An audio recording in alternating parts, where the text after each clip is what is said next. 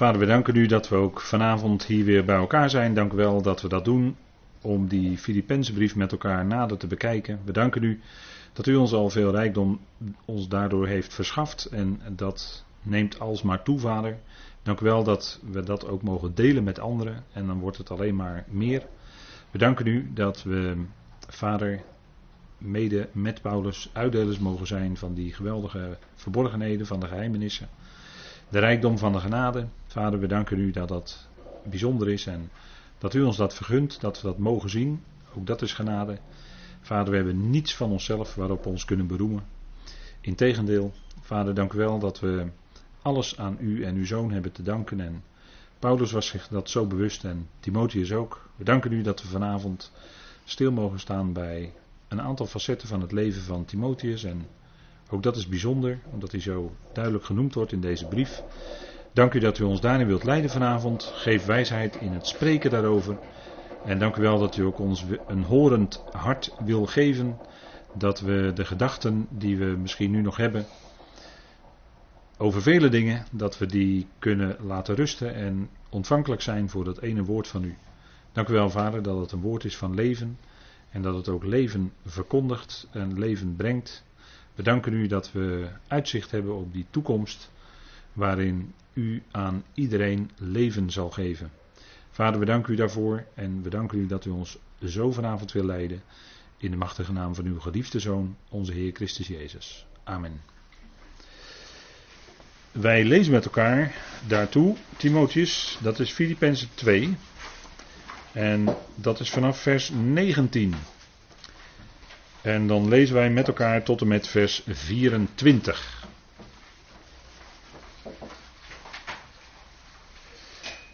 En daar staat, en ik verwacht in de Heer Jezus Timotheus snel tot jullie te zenden, opdat ook ik wel gemoed word wanneer ik weet wat jullie aangaat. Want ik heb niemand van gelijk gevoel die echt bezorgd zal zijn over wat jullie aangaat. Want allen zoeken hun eigen belangen, niet die van Christus Jezus. Jullie kennen echter zijn beproefdheid, dat hij, zoals een kind met zijn vader, samen met mij slaaft in het evangelie. Hem dan verwacht ik inderdaad ogenblikkelijk te zenden, wanneer ik de dingen om mij heen overzie. En ik ben er echter van overtuigd in de Heer dat ik ook zelf snel zal komen. Tot zover. Timotheus, het tweede voorbeeld in deze brief. Dat heb ik ook op deze dia gezet. Voorbeeld 2 is Timotheus. Voorbeeld 1 is natuurlijk Christus Jezus zelf. Daar hebben we uitgebreid bij stilgestaan. En hierna komen nog twee voorbeelden, maar dat zullen we natuurlijk vanzelf wel zien. Hij is een voorbeeld voor ons, Timotheus. En uh, toch wel bijzonder, denk ik, hoe God ons eigenlijk onderwijst door middel van voorbeelden. Niet alleen door het onderwijs van de apostel Paulus, maar ook met levende voorbeelden hoe het evangelie, het evangelie van Paulus bedoel ik dan, uitwerkte in levens van mensen die op hun beurt weer voorbeeld zijn voor andere gelovigen. En zo werkt het in de praktijk.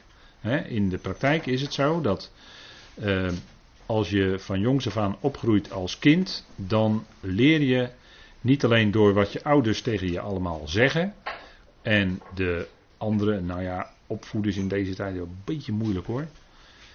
Ik ga er niet te diep op in, maar een beetje moeilijk. Maar kinderen kijken ook naar het voorbeeld van hun ouders. Ze horen heel veel van de ouders, maar ze kijken wat de ouders doen en laten en daar leren ze van. Vergist u zich niet. Kinderen zien meer dan u denkt. En dat is zoals het werkt in de praktijk. Uh, dat je achteraf eigenlijk kunt vaststellen van ja, ik heb wel mijn ouders heel wat horen zeggen. Maar wat ik mij het beste kan herinneren is wat zij deden. Als het gelovige ouders waren, dan heb je enorm voorrecht. Als dat geloof ook daadwerkelijk tot uiting kwam tijdens hun leven. Uh, dan kun je zien in de praktijk hoe dat geloof in hun leven werkte.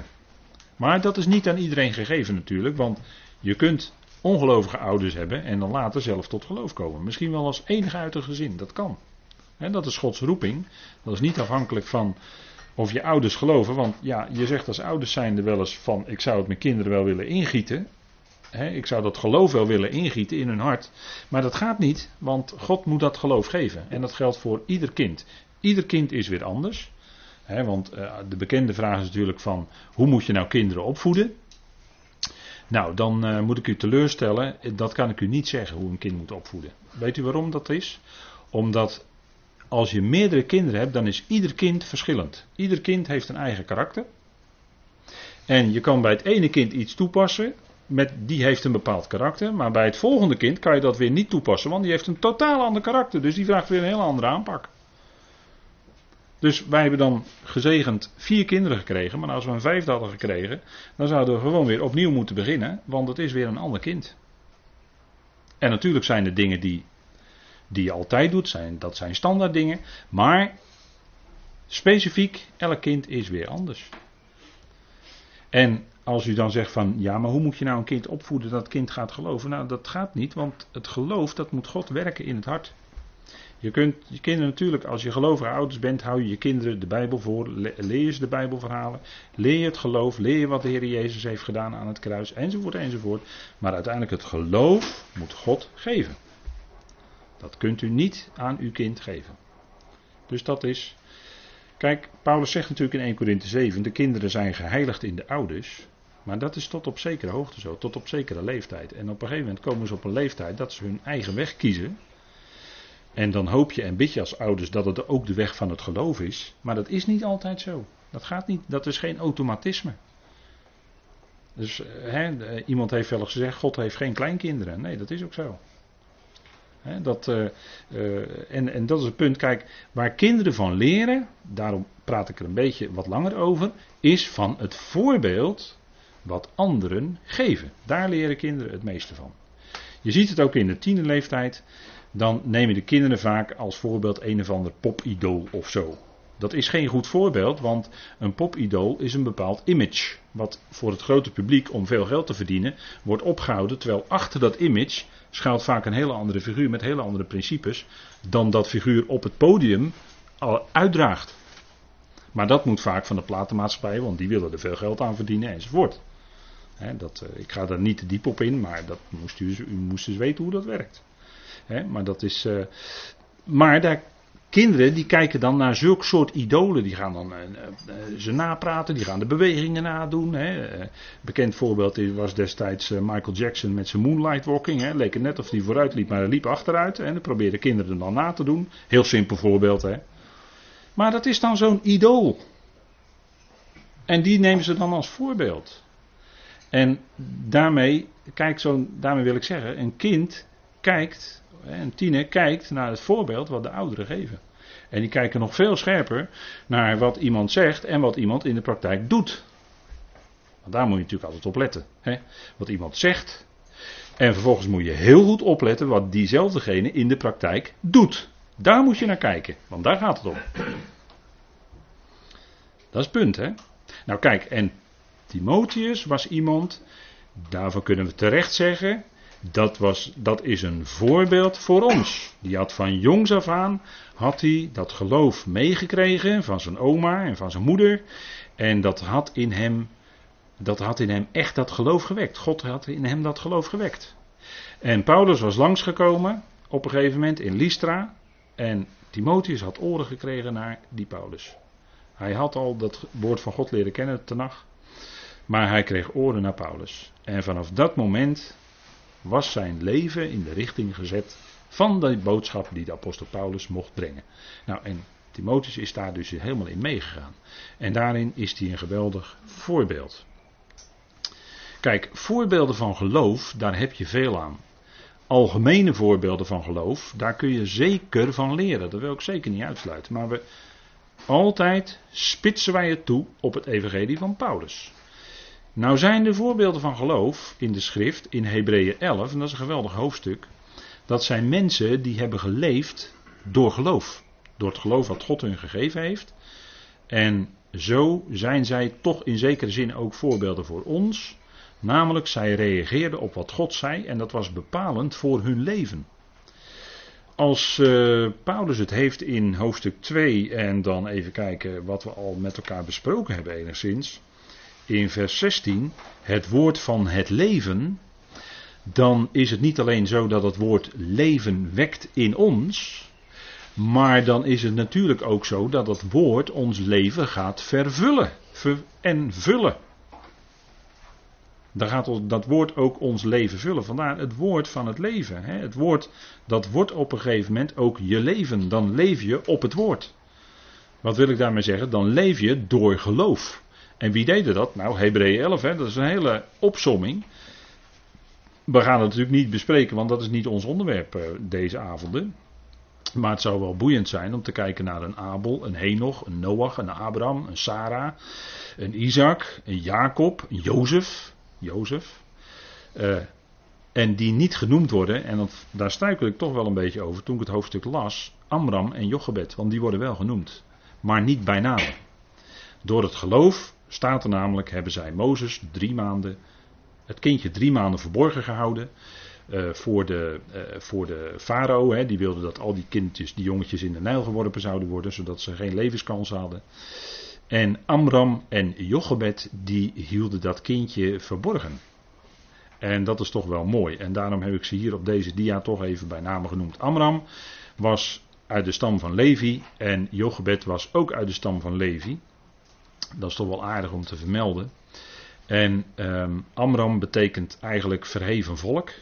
het volk, en dat is heel mooi, want Mozes was het middel wat God ging gebruiken om dat verdrukte en vernederde volk tot een verheven volk te maken. En Jochebed, dat betekent ja is, of eh, dat betekent eigenlijk de heerlijkheid van ja. De heerlijkheid van Yahweh. Jo is eigenlijk ja, afkorting van, van Yahweh. En Gebed is eigenlijk kabot en dat betekent heerlijkheid. Dat is een bekende woord wat je met zwaar en met heerlijkheid kan vertalen. Dus heerlijkheid van ja, van Yahweh. En dat zou de Heer via Mozes ook doen bij de uittocht uit Egypte. Hij zou zijn naam verheerlijken. En dat klinkt al door in de naam Jochebed. Ik denk dat het toch wel bijzonder is. Hè? Dat zijn de ouders van Mozes. En eh, daarna kreeg je natuurlijk Ragab, Gideon, Barak, Simson, Jefta, David, Samuel en de profeten. Nou, allemaal voorbeelden van geloof. Mensen die hebben geleefd door geloof. Ik uh, memoreerde nog even Jeremia. Die zei de waarheid en die werd in de, put, in de put gegooid. in, de, in kerken zo onderin. Maar hij zei wel de waarheid, want het kwam uit wat hij zei. Hè? Dus daar moest hij voor lijden. Nou, dat zijn allemaal voorbeelden van mensen die hoorden dat woord van God. Zij leefden daarbij en zij bleven daarbij. En dat is denk ik het voorbeeld wat voor ons aanspreekt. Hè? Abraham hoorde dat woord van God. Hij wist niet het land waar hij zou komen, maar hij ging wel. En hij vertrouwde op God dat hij daar ook zou komen. Al had hij dat land nog nooit gezien. Een land vloeiende van melk en honing. Trouwens heel mooi hè, melk en honing. Ook beelden van het woord van God. Hè. Melk is de beginselen en honing is de vaste spijs van het woord van God. Zit er ook allemaal in hè. Land vloeiende van melk en honing. Hè, trek dat lijntje dan maar eens door. Maar goed, daar kwam Abraham, maar hij ging op weg, hij had het woord van God gehoord. Ga en hij vertrouwde op God, want geloof is ook vertrouwen, hè, dat is de andere kant van geloof, dus ook vertrouwen. Dat God betrouwbaar is. Amen. Dat wil zeggen dat hij betrouwbaar is en hij doet wat hij beloofd heeft. Kijk, bij mensen kun je vaak ontdekken dat mensen wel dingen zeggen, maar dat niet altijd doen. Laat ik maar even heel voorzichtig zijn. En daar knappen wij dan bij gelegenheid wel eens op af. Maar dat zijn mensen. Bij God is het niet zo. God zegt iets en hij doet het ook. Hij belooft het en hij maakt die woorden ook waar. Dat is God. Hij voorspelt de toekomst en die toekomst die zal hij ook waarmaken. Staat in Jesaja 44 onder andere. Hè? Ik noem maar een dwarsstaat, maar het staat op meerdere plaatsen natuurlijk. God maakt zijn woord waar. Daarom is hij de betrouwbare. Hij zal doen wat hij beloofd heeft. En u en ik leven, wij leven op dat woord. Wij zien uit naar de bazuin van God. Waarom? Niet omdat er allerlei theorieën over zijn, maar omdat het geschreven staat omdat dat het eindpunt is hier op aarde van het lichaam van Christus, de uitgeroepen gemeente.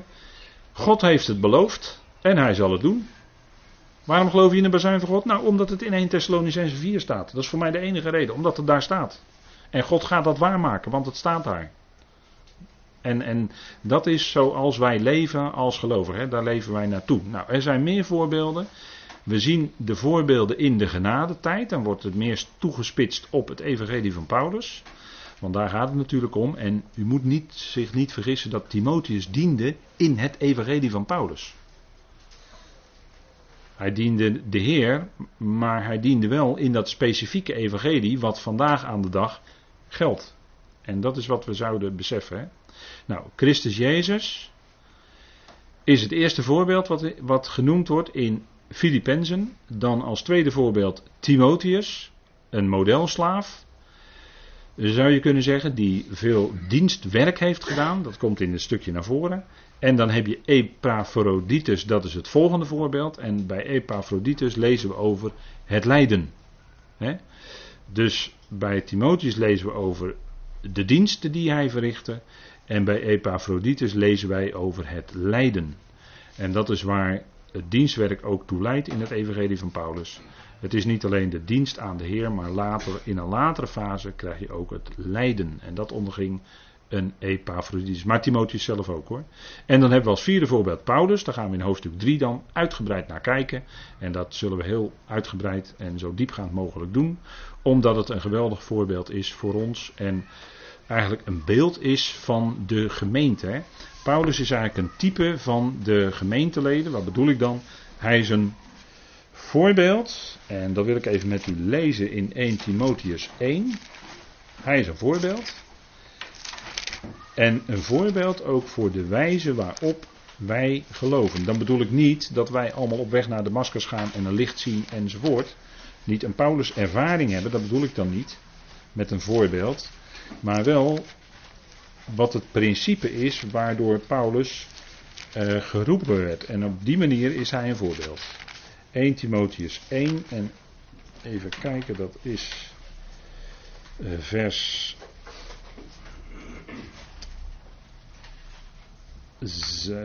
vers uh, eh, 15. Vers 15 en 16. Daar staat: Dit is een betrouwbaar woord en alle aanneming waard dat Christus Jezus in de wereld gekomen is om zondaren te redden, van wie ik de voornaamste ben. Dus dat was de missie waarom hij in de wereld kwam. Dat was om zondaren te redden. Dat was zijn missie. En dat doet hij ook. Hij redt ze allemaal. Dus die missie die slaagt glansrijk. In weerwil van wat mensen allemaal beweren. Maar Christus Jezus die zorgt ervoor dat allen gered worden. En dan zegt Paulus van wie ik de voornaamste ben. Dus hij was de ergste. Maar daarom is mij barmhartigheid bewezen, opdat Jezus Christus in mij, de voornaamste, al zijn geduld zou tonen, tot voorbeeld, daar heb je het hè, tot voorbeeld voor hen die later in hem zouden geloven, tot Ionisch leven. Als er bij één duidelijk is dat het genade is dat hij gered werd, is het Paulus wel. Saulus. Die had alles verspeeld. Die had alles verspeeld wat je maar kon bedenken. En God redde hem niet met voorwaarden. Hij moest niet eerst tot berouw komen, hij moest niet eerst tot bekering komen, niks. Hij was bezig de gemeente te vervolgen als een woesteling. Zo was hij op weg naar Damascus. Hij piekerde en peinsde er niet over om, om berouw te tonen of om zich te bekeren. Helemaal niet, integendeel zelfs. En op dat moment greep de Heer hem op weg naar Damascus. En dat is overstromende genade. En zo is hij een voorbeeld voor iedere gelovige van deze tijd. We hebben helemaal niets van onszelf. En als je in de loop van de tijd uh, ga je dat steeds beter voor jezelf erkennen. Dat je niets hebt van jezelf, maar dat het uitsluitend en alleen genade is. En het is ook om niet, het is gratis, het is uh, in weerwil van onze verdiensten, want als het om onze verdiensten gaat, dan was het eerder een andere verdienste, namelijk dat de zonde in ons leven opstapelde. En het punt is dat God ons in onze nekvel greep en genade bewees. Genade bewees. We hadden alles verspeeld net als Paulus. Als Saulus, fantastisch. Precies eender. En God redt ons en roept ons. En dat is genade, dat, kan je niet anders. En op de duur, als je jezelf in het licht van het evangelie leert kennen, jezelf, wie je zelf bent als mens, dan erken je, ik ben helemaal niets. Het enige boodschap voor het vlees is namelijk het kruis. En daar is een radicaal einde gemaakt aan dat vlees. En we zouden ook zo rekenen, hè? rekenen zoals God rekent. Dat hebben we al gezien bij uh, de Galatenbrief natuurlijk ook al uh, uitgebreid. Hè? Paulus is een voorbeeld. het vierde voorbeeld, maar daar gaan we dan in de toekomst uit, vanuit Filippenzen 3 nog naar kijken. En we zoomen nu in verder op Timotheus. Timotheus, die had een oma, die heette Lois en dat betekent aangenaam. En hij had een Joodse moeder, dat is toch wel bijzonder dat dat vermeld wordt in Handelingen 16. Die heette Eunike. Dat is wel een Griekse naam, want dat betekent wel overwinnen. Dat ui is wel en dat Nike heeft te maken met overwinnen. En zo is Timotheus, en dat is toch wel bijzonder, een type van de gelovige rest van Israël onder de natieën. Of tenminste, uh, zijn moeder, en dat komt in Timotheus eigenlijk samen. Hij had een Griekse vader. En die Griekse vader zou je kunnen zeggen, is in zekere zin een type van de gelovigen uit de natieën. Laten we maar even lezen in Handelingen 16, daar, daar vinden we dat terug. Handelingen 16.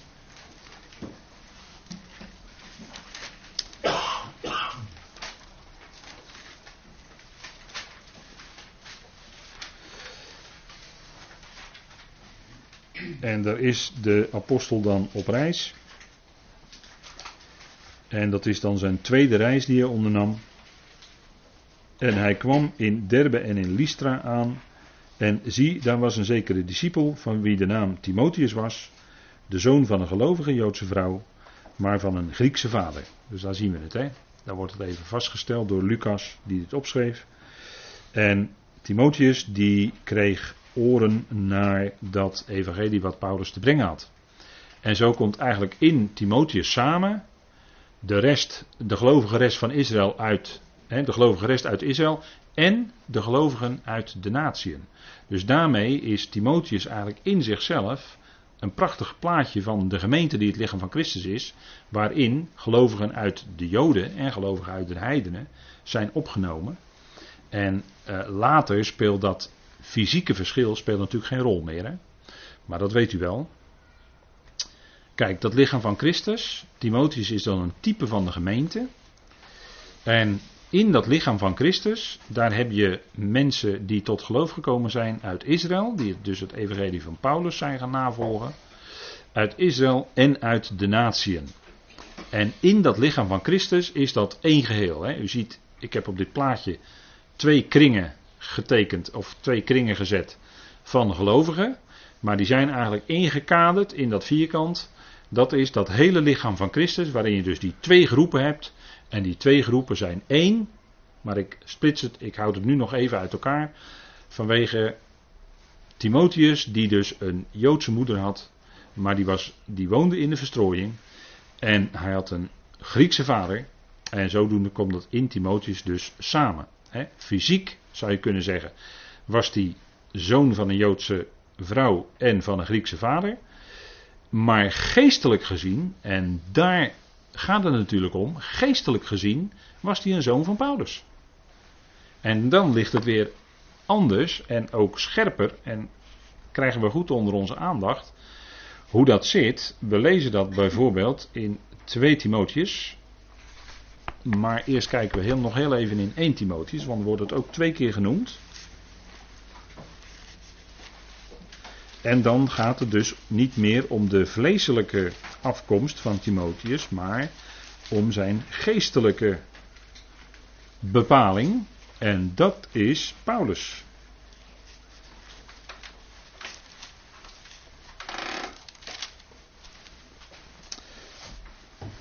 Dat schrijft hij in 1 Timotheus 1 en dan even voor nu dan vers 2a. Hij schrijft de brief aan Timotheus, oprechte zoon in het geloof. Dus geestelijk gezien was Paulus zijn vader. Hij was gewekt door het evangelie wat Paulus bracht. En geestelijk gezien was hij dus een zoon in het geloof van Paulus. En dat is uh, oprecht, dat is helemaal naar waarheid. Hè? En het punt is, voor ons gaat het natuurlijk om het geestelijke aspect.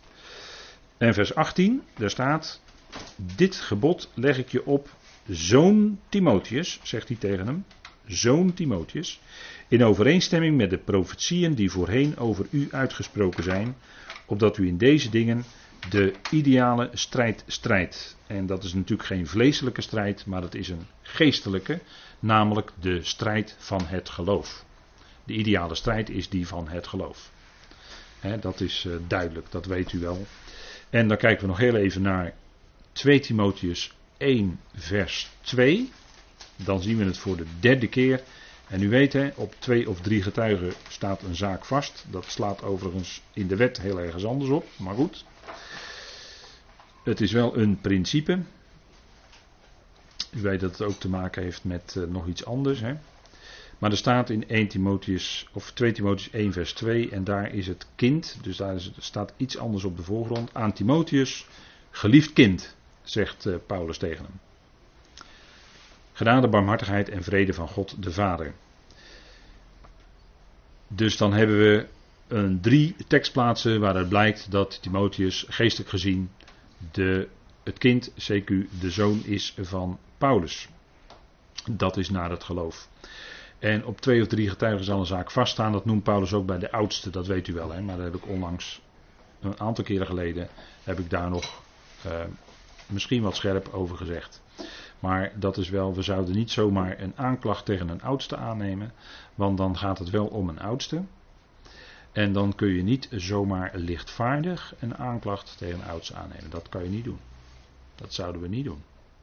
Dat is, eh, want dat is een hele ernstige zaak als het gaat om oudsten in de gemeente.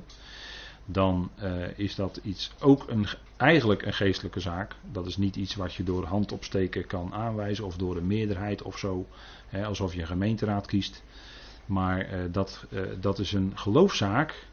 Dat is een geestelijke zaak. En oudsten die zijn er, al dan niet. maar ze zijn er en dat bepalen wij niet als mensen, maar dat bepaalt God. Dat bepaalt God. En als iemand een oudst is, kan hij niet door mensen zomaar uh, tot aftreden of, door, of zoiets gedwongen worden. Dat, dat gaat helemaal niet.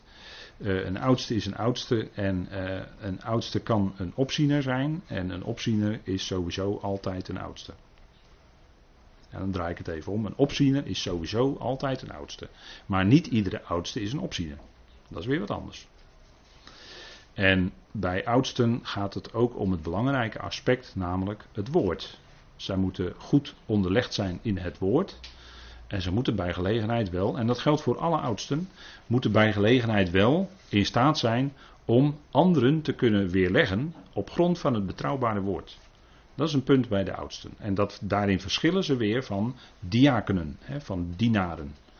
Daar maakt Paulus onderscheid in in 1 Timotheus 3. Dat moet u anders dan nog maar eens een keer nalezen. En, uh, maar het is niet uh, het, is, het gaat niet aan om zomaar dus een aanklacht tegen een oudste aan te nemen. Dan moeten er minstens twee of drie betrouwbare, betrouwbare getuigen zijn. De zaak moet echt vaststaan. Pas dan kan het eventueel iets tegen een oudste ingebracht worden. Dus dat is denk dat, denk dat u daar nog maar eens goed de brieven op moet nalezen. Hè. Lees Titus 1 nog maar eens na. Lees 1 Timotheus 3 nog maar eens na. En waarom zeg ik dat? Dat zeg ik omdat Filippenzen in de aanhef vinden wij ook dat terug. En vinden wij een punt terug. Kijk, Filippenzen, als ik Filippenzen lees, dan stap voor stap kom ik hoe langer hoe meer tot de ontdekking dat die misschien wel, die hele brief, in de allereerste plaats gericht is aan de opzieners en de dienaren. Want er staat in de aanhef die in Filippi zijn, tezamen met opzieners en dienaren. En opzieners zijn sowieso oudsten.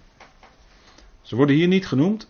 het woord oudsten wordt hier niet gebruikt in vers 1. Maar met het opzieners noemen worden ze impliciet wel degelijk genoemd. En dat is een punt. En Pas in tweede instantie is de Filipijnse brief, als u het mij vraagt, maar goed, ik geef mijn mening graag voor een beter hoor. Als u het mij vraagt, is het pas in tweede instantie de Filipijnse brief verder bedoeld voor alle gelovigen die dienstwerk doen. En ik denk dat iedere gelovige een stukje dienstwerk doet op een of andere manier. Al was bidden voor de medegelovigen, al was het dat alleen. Nou, dat alleen, dat klinkt alsof dat minder belangrijk is. Nou, dat sla ik heel hoog aan hoor. Voorbeden, gebeden en, en, en smekingen doen voor andere gelovigen, dat is een heel belangrijk stuk dienstwerk, denk ik. Paulus noemt dat heel duidelijk ook in deze brief, hebben we uitvoerig bij stilgestaan. maar iedere gelovige op een of andere manier, je bent lid van het lichaam van Christus. En God, en uh, die voorziet door Christus zelf in, die voorziet zelf in organen van het lichaam. Je kunt ook dan zeggen, hij organiseert dat lichaam zelf, Christus. Hij voorziet het zelf van organen en die zet hij in in een stuk dienstwerk. En hele, sommige hele specifieke organen die in een menselijk lichaam ook belangrijk zijn. Zo heb je dat in de gemeente ook. Daar heb je ook specifieke organen die in het totaal van het lichaam van Christus ook belangrijk zijn. Maar ieder verricht een stukje dienstwerk en zo is ieder, voor een ieder, zijn die vier voorbeelden dan ook gegeven. Maar ik denk de spits ligt toch bij die opzieners en dienaren, die zouden op zichzelf ook weer voorbeelden zijn voor de anderen. Dus we zien in Timotheus, om even terug te keren naar Timotheus, die ook een dienaar was en die werd door Paulus meegenomen en ging door, met Paulus door allerlei ervaringen heen. Dat blijkt ook uit de tweede Timotheusbrief. En zo werd Timotheus van stap tot stap, werd Timotheus ook oudste, werd Timotheus ook opziener en kreeg dat uh, geestelijk, uh, geestelijke erfenis, om het zo maar te zeggen, van Paulus overgedragen. Dus Timotheus was heel specifiek iemand die heel erg belangrijk was in de dienst. En dan zegt hij in vers 19: En ik verwacht in de Heer Jezus Timotheus snel tot jullie te zenden, opdat ook ik welgemoed word. En in de vertaling dan worden wij een beetje op het verkeerde been gezet door, ja, we moeten het wel zo vertalen omdat we Nederlands willen vertalen. Maar eigenlijk staat er het woord ziel, en dat komen we in de volgende vers ook nog een keer tegen. Welgemoed betekent letterlijk wel van ziel zijn. En wat wil dat zeggen? Dat wil zeggen dus dat het evangelie, dat landt bij een mens in de geest, hè, het is een geestelijk iets, geestelijke woorden, en die, die wekken iets in je geest. Heilige geest wordt in je hart uitgestort. Geestelijke woorden werken in jouw hart een, een geestelijke instelling uit. En vanuit die geestelijke instelling gaat het ook doorwerken in je ziel. Wat bedoel ik dan? Dan bedoel ik dat dat geestelijk ook gaat doorwerken in je denken, in je kunnen, in je willen, in je doen. Dat heeft allemaal te maken met de ziel. Dus dat wel van ziel zijn, dat heeft dus te maken met die doorwerking van het evangelie, ook daadwerkelijk in het doen en laten van de gelovigen. En Timotheus, die uh, zou eh, door Paulus gestuurd worden. Ja, en wie kon die eigenlijk anders zenden dan Timotheus? Want Paulus keek natuurlijk wel om zich heen. Ja, wie kan ik nou eens naar die Filippenzen sturen? Nou, de eerste eh, die er voor in aanmerking kwam, dat was Timotheus. En dat had ook wel een reden natuurlijk. Paulus was, was toch wel, had toch wel hier en daar wat zorgjes in de goede zin. niet, niet, dat hij zich in de verkeerde zin zorgen maakte, maar wel in de goede zin wilde zorgen voor de gelovigen. Um, want uh, kijk, uh, hij, we hebben met elkaar gememoreerd in 2 vers 2 dat Paulus daar zegt, indien er enig dit is, indien er enig dat is, indien er enig dat is. Maar dan zegt hij in vers 2, maakt mijn vreugde compleet. Dus hij sprak op iets aan wat hij zag bij die Filippenzen. Wanneer hij dacht van hé, hey, dat kan, dat, daar moet nog wel iets over gezegd worden. En dat uh, verdient nog wel wat, wat, wat verbetering, om het zo maar te zeggen. Doordat jullie eensgezind zijn, door, kennelijk was het niet altijd helemaal eensgezind bij die Filippenzen. En dat moet ons toch ook bekend in de oren klinken. Dat het onder gelovigen niet altijd eensgezindheid is. Ik ga automatisch weer een beetje zachter praten, weet u wel. Dezelfde liefde hebben, hè, dat is die agape, dat is die hoge, belangeloze liefde. Waarom dien je?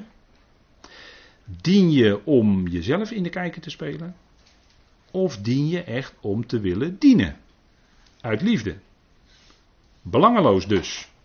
want met de agape dan hebben we het over die hoge, komma, belangeloze liefde van God. Waarom dien je? Is dat belangeloos of heb je er belang bij? En dat was de reden waarom Paulus Timotheus stuurde. Maar dat, gaan dat zullen we nog gaan zien. Dat woord belangen, dat hebben we ook gelezen vanavond. Hè? Paulus' bezorgdheid over de Filippenzen. Nou, dus hij keek om zich heen en hij stuurde Timotheus. Dat was degene die in aanmerking kwam. En dat zou niet de keuze geweest zijn van de Corinthiërs. Maar daar komen we ook nog op. Kijk, Timotheus, zijn naam zegt het, een hele mooie naam. Timotheus betekent waarde God, heel letterlijk. Hè? En als je het even ervan afleidt, kun je zeggen: kijk, wie was nou Timotheus? Timotheus was waardevol door God. God werkte in zijn leven zodat hij waardevol was in de dienst, zodat hij waardevol was in de dienst van het evangelie van Paulus. En dat is natuurlijk heel bijzonder, en dat zegt zijn naam al. Hè, dat time, dat heeft te maken met waarde. En theos, dat is theos, hè, dat is uh, waardevol, of dat is uh, God. Hè, theos is God, dat is de plaatser. En God zette Timotheus op die plaats, met de dienst, in de dienst, samen met Paulus.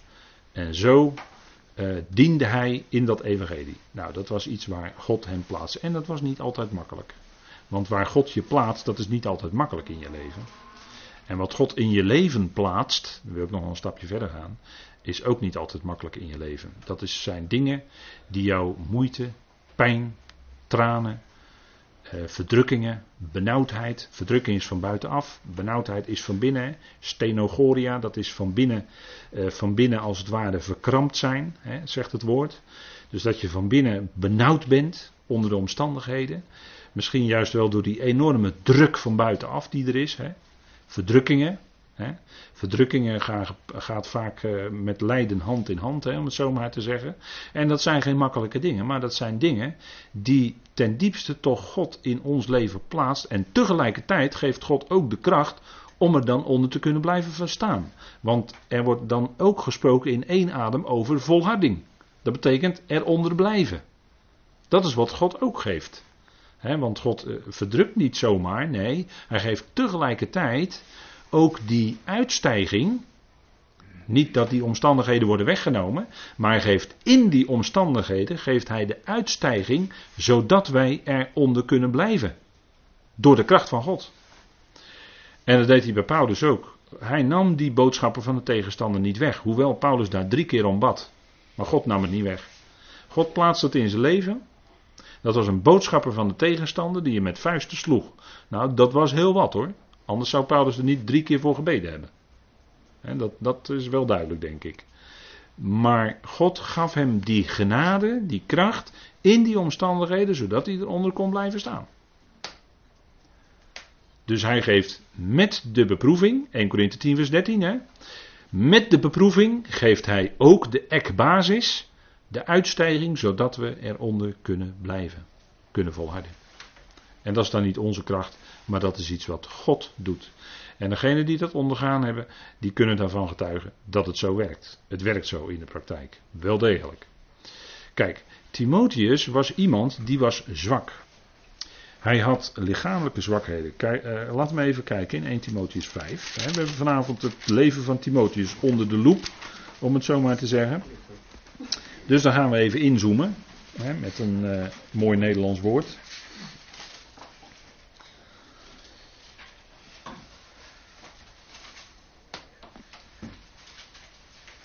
En dan zegt hij: um, drink niet alleen, uh, drink niet langer water, maar gebruik ook een kleine, kleine wijn. Dus niet grote hoeveelheden staat hier, maar een kleine wijn, hè? Klein, klein beetje wijn. Voor je maag, dus kennelijk had Timotheus ook een beetje last van zijn maag.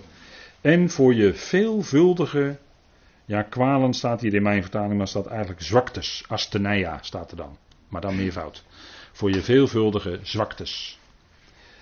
Dus Timotheus was lichamelijk niet al te sterk. En toch was hij het instrument wat zeer van dienst was in het evangelie. En dat is nou Gods keuze. Hè? God kijkt eh, anders dan wij. Wij kijken naar iemand die, uh, die kerngezond is en die het allemaal wel aan kan enzovoort. Daar keken de Corinthiërs vooral naar, dat bedoel ik eigenlijk. Wij niet, maar de Corinthiërs wel. Die keken vooral naar iemand die uh, geweldig goed kon spreken, die geweldig krachtig was, die nooit ziek was enzovoort. Dat is voor de Corinthiërs de top natuurlijk. Maar dat is allemaal vlees. God haalt dat weg van tafel en hij zet daar neer Timotheus. Iemand met vele lichamelijke zwakheden. En die is gekozen door God om met Paulus te dienen in het evangelie. Want in die zwakheid volbrengt God zijn kracht. Dat wist Paulus zelf. En dat wist Timotheus natuurlijk op een gegeven moment ook heel erg goed. Hij keek, Timotheus keek naar het voorbeeld van Paulus en hij volgde Paulus na. Nou, en, en Paulus volgde natuurlijk Christus na, want het leven van Christus werd natuurlijk in Paulus bekend. Hè? Door Paulus heen zag je dat leven van Christus openbaar worden. Die vrucht van de geest.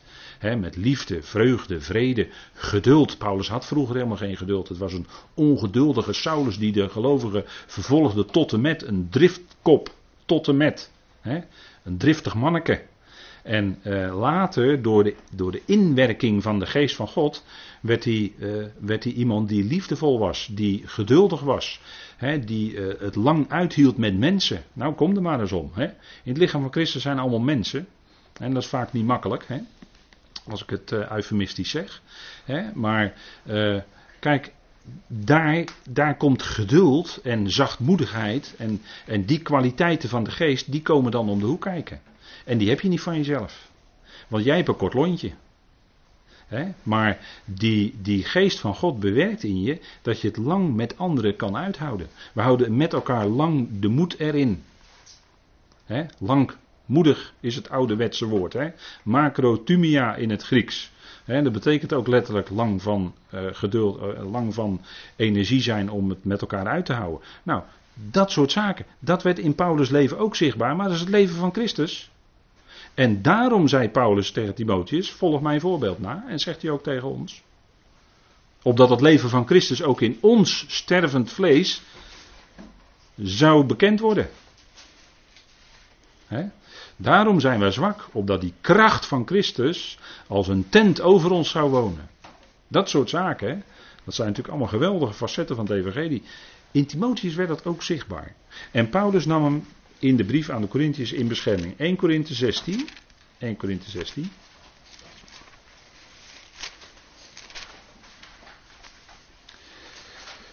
Want ja, kijk, die Corinthiërs die waren natuurlijk uh, op zijn Rotterdams gezegd goed gebekt. Hè? Die wisten het allemaal wel uh, lekker snel en vlot te vertellen. Die wisten hoe het zat. Die had het hart op de tong.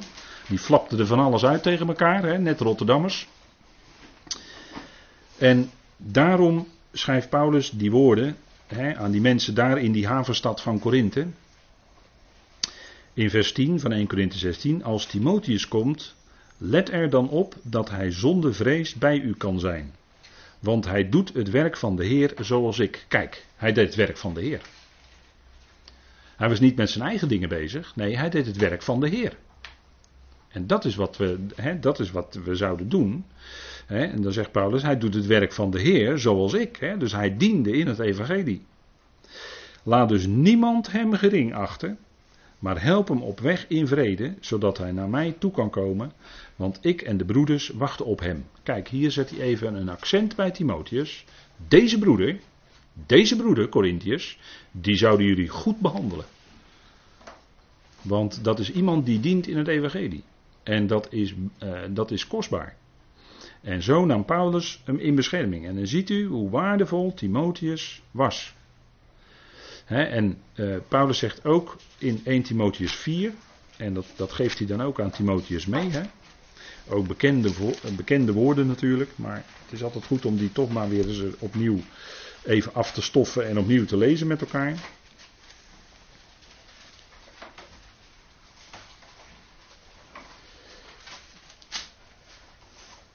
1 Timotheus 4, vers 12. Laat niemand je minachten vanwege je jeugdige leeftijd. dus ook als. Uh, hij was nog jong. Maar dat hoeft helemaal niet weg te nemen dat hij ook uh, goed kon dienen. En dan zegt hij maar. Wordt, eigenlijk staat er. Wordt een voorbeeld voor de gelovigen. In woord. In wandel. In liefde. In geest. In geloof. En in zuiverheid. Blijf bezig met het voorlezen, met het vermanen, het aanspreken, met het onderwijzen totdat ik kom. Dus dat geeft hij aan Timotheus mee. Hè? Maar de andere gelovigen zouden hem niet minachten, ook al was hij nog jong. Maar als hij Gods woorden spreekt en in staat was dat goed te doen, als hij het evangelie van Paulus op een juiste wijze manier uitdroeg, dan maakt jeugdigheid of wat dan ook helemaal niet uit. Want God gebruikt dan zo iemand, ondanks misschien jonge leeftijd, om wel dat evangelie uit te dragen wat in deze tijd zou klinken. En Timotheus was van zichzelf toch wel een beetje beducht voor een en ander. Hè. Misschien keek hij toch wel soms naar ogen van mensen. En daarom zegt Paulus, en dat gaan we ook even met elkaar lezen. Want Timotheus was niet alleen lichamelijk zwak, maar hij was ook een beetje beschroomd. Hè? Hij was een beetje snel terughoudend als het om mensen gaat. Uh, eh, 2 Timotheus 1, vers 7.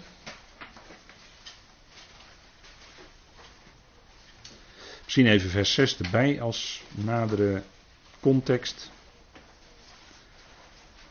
Om die reden herinner ik je eraan de genadegave van God aan te wakkeren, die in je is, door de oplegging van mijn handen. dat was kostbaar, die genadegave van God. Nou, daar kun je over discussiëren wat het is. Of dat nu de geloof is of de geest. Ik zou zeggen, nou, dan is het allebei. Dan is de geest en het geloof allebei genadegaven. dat maakt er niet zoveel uit.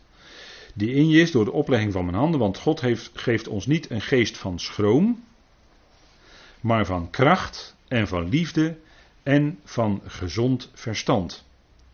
dus het gaat om die kracht om dat evangelie bekend te kunnen maken. En daar hoeven we ons niet voor te schamen. daar hoeven we niet beschroomd voor te zijn. Maar als de gelegenheid zich voordoet, dan kun je het zeggen. Kun je het zeggen tegen andere mensen.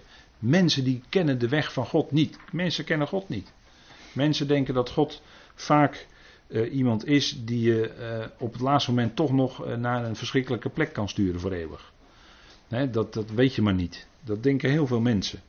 Maar als wij nou kunnen doorgeven wie God is, en dat als geen ander maakt het evangelie van Paulus dat natuurlijk duidelijk, ja, dan, dan, dan zijn er mogelijkheden. en daar, daar, daar, daar hoeven we niet beschroomd voor te zijn. We mogen, kunnen toch uitkomen voor de waarheid. Dus we hebben kracht gekregen van God in ons door die geest.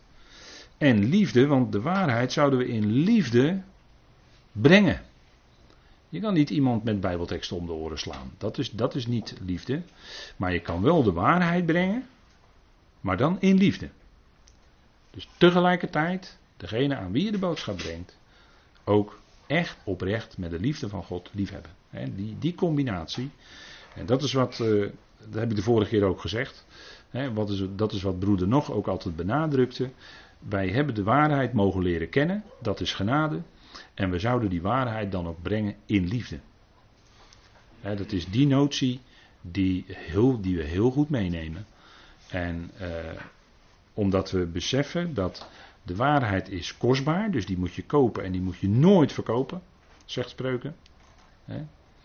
Maar die waarheid is kostbaar en die kunnen we en die mogen we doorgeven aan anderen, opdat ook in die andere levens dat licht van het evangelie gaat schijnen. En ze ook die liefde van God gaan leren kennen, die uitgaat naar iedereen.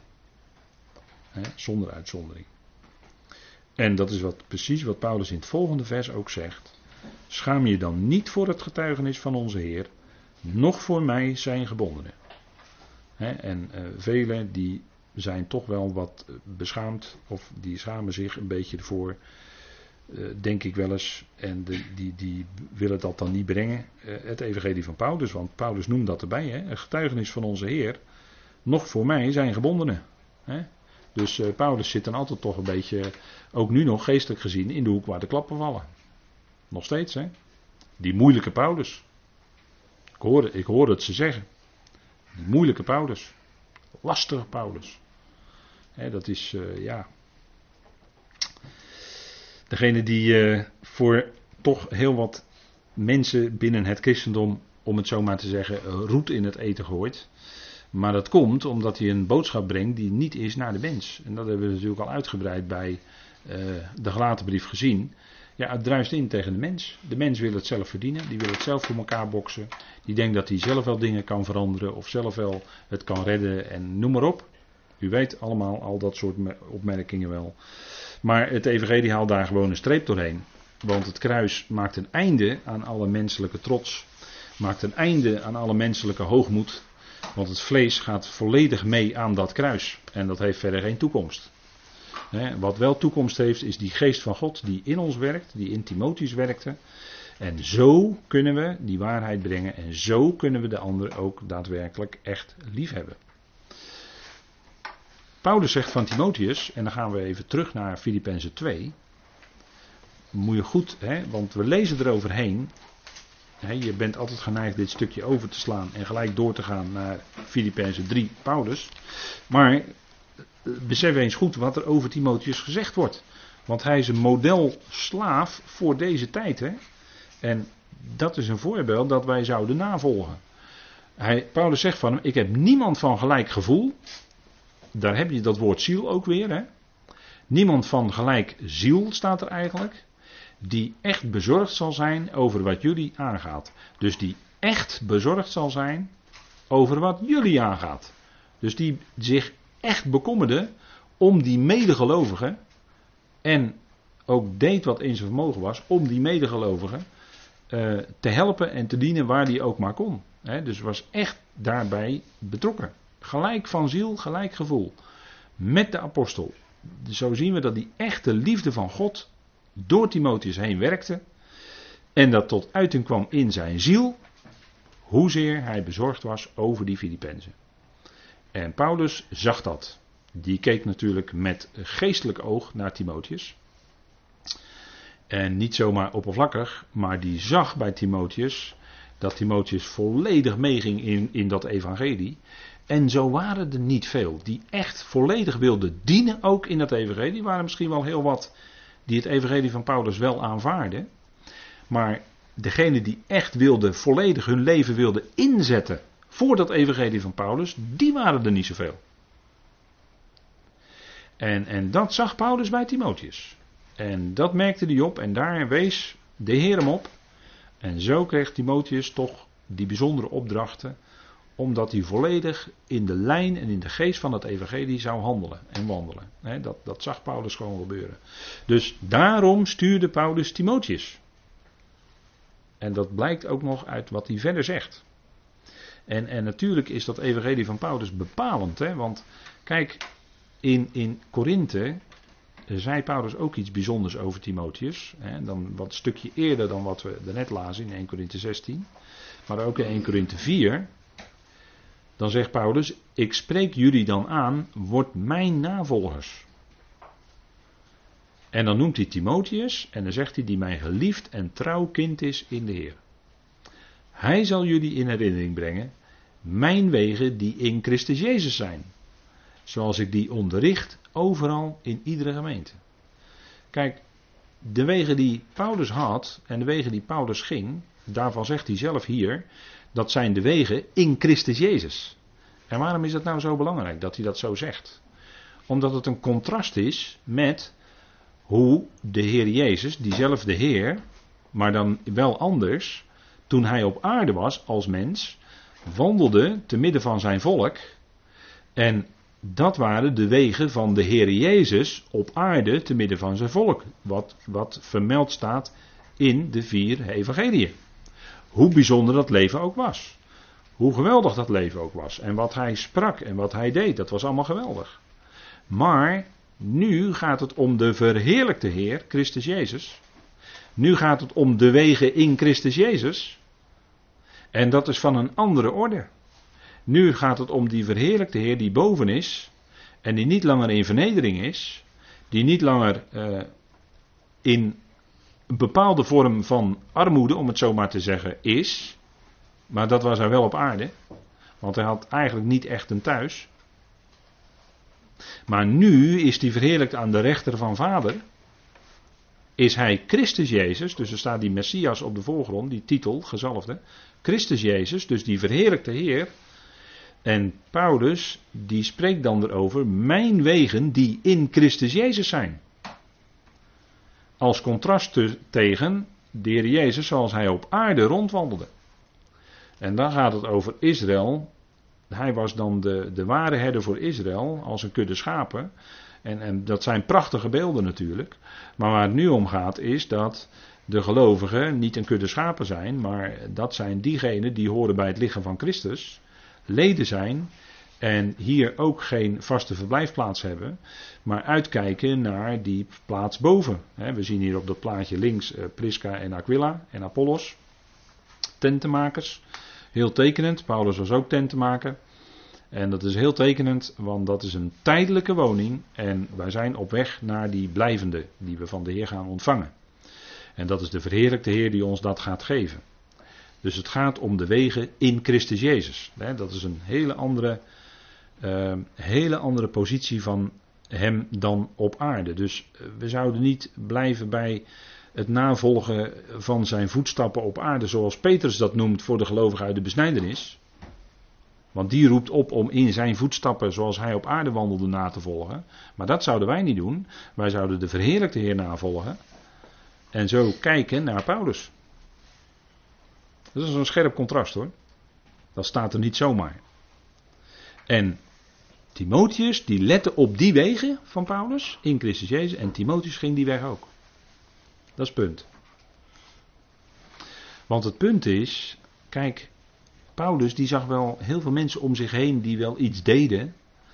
En die misschien tot op zekere hoogte ook wel mee wilden dienen, maar tot op zekere hoogte. Maar daar zat ook nog iets anders bij.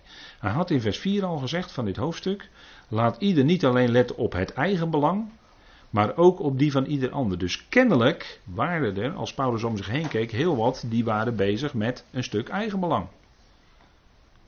Als je het in procenten wil uitdrukken, prima. Misschien 30, 40 procent eigenbelang en 60 procent belang van de Heer. Timotheus niet. Timotheus onderscheidde zich ervan.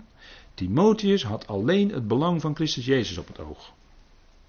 Daarom zegt Paulus dit in vers 21. Want allen zoeken hun eigen belangen, niet die van Christus Jezus. Met andere woorden, dus Timotheus wel. Timotheus zocht dus wel het belang van Christus Jezus. En dat is het punt. Hij wilde volledig dienen in het evangelie van Paulus. Paulus was zijn geestelijke vader in zekere zin. En dat was bepalend voor zijn hele wandel en dienen. En zo zou het ook in deze tijd zijn. Je, je kan nooit de Heer op uh, volkomen uh, juiste wijze uh, voor 100% dienen. Als het niet is volledig in het evangelie van Paulus. Als dat niet je geestelijke achtergrond is. Als je zegt van ik heb nog 30% evenredig van Petrus en 70% evenredig van Paulus, dat gaat hem niet worden. Als het gaat om het dienen. En dat, is, dat ligt dus wel heel scherp, hè? dat ligt scherp. En dat is gewoon van belang, want je kunt niet die zaken met elkaar vermengen. Zoals in het christendom helaas, helaas gebeurt. Op grote schaal. En de verwarring is compleet. Goed, dan eh, gaan we toch maar eventjes een bakje koffie drinken, want het is weer de hoogste tijd voor de pauze.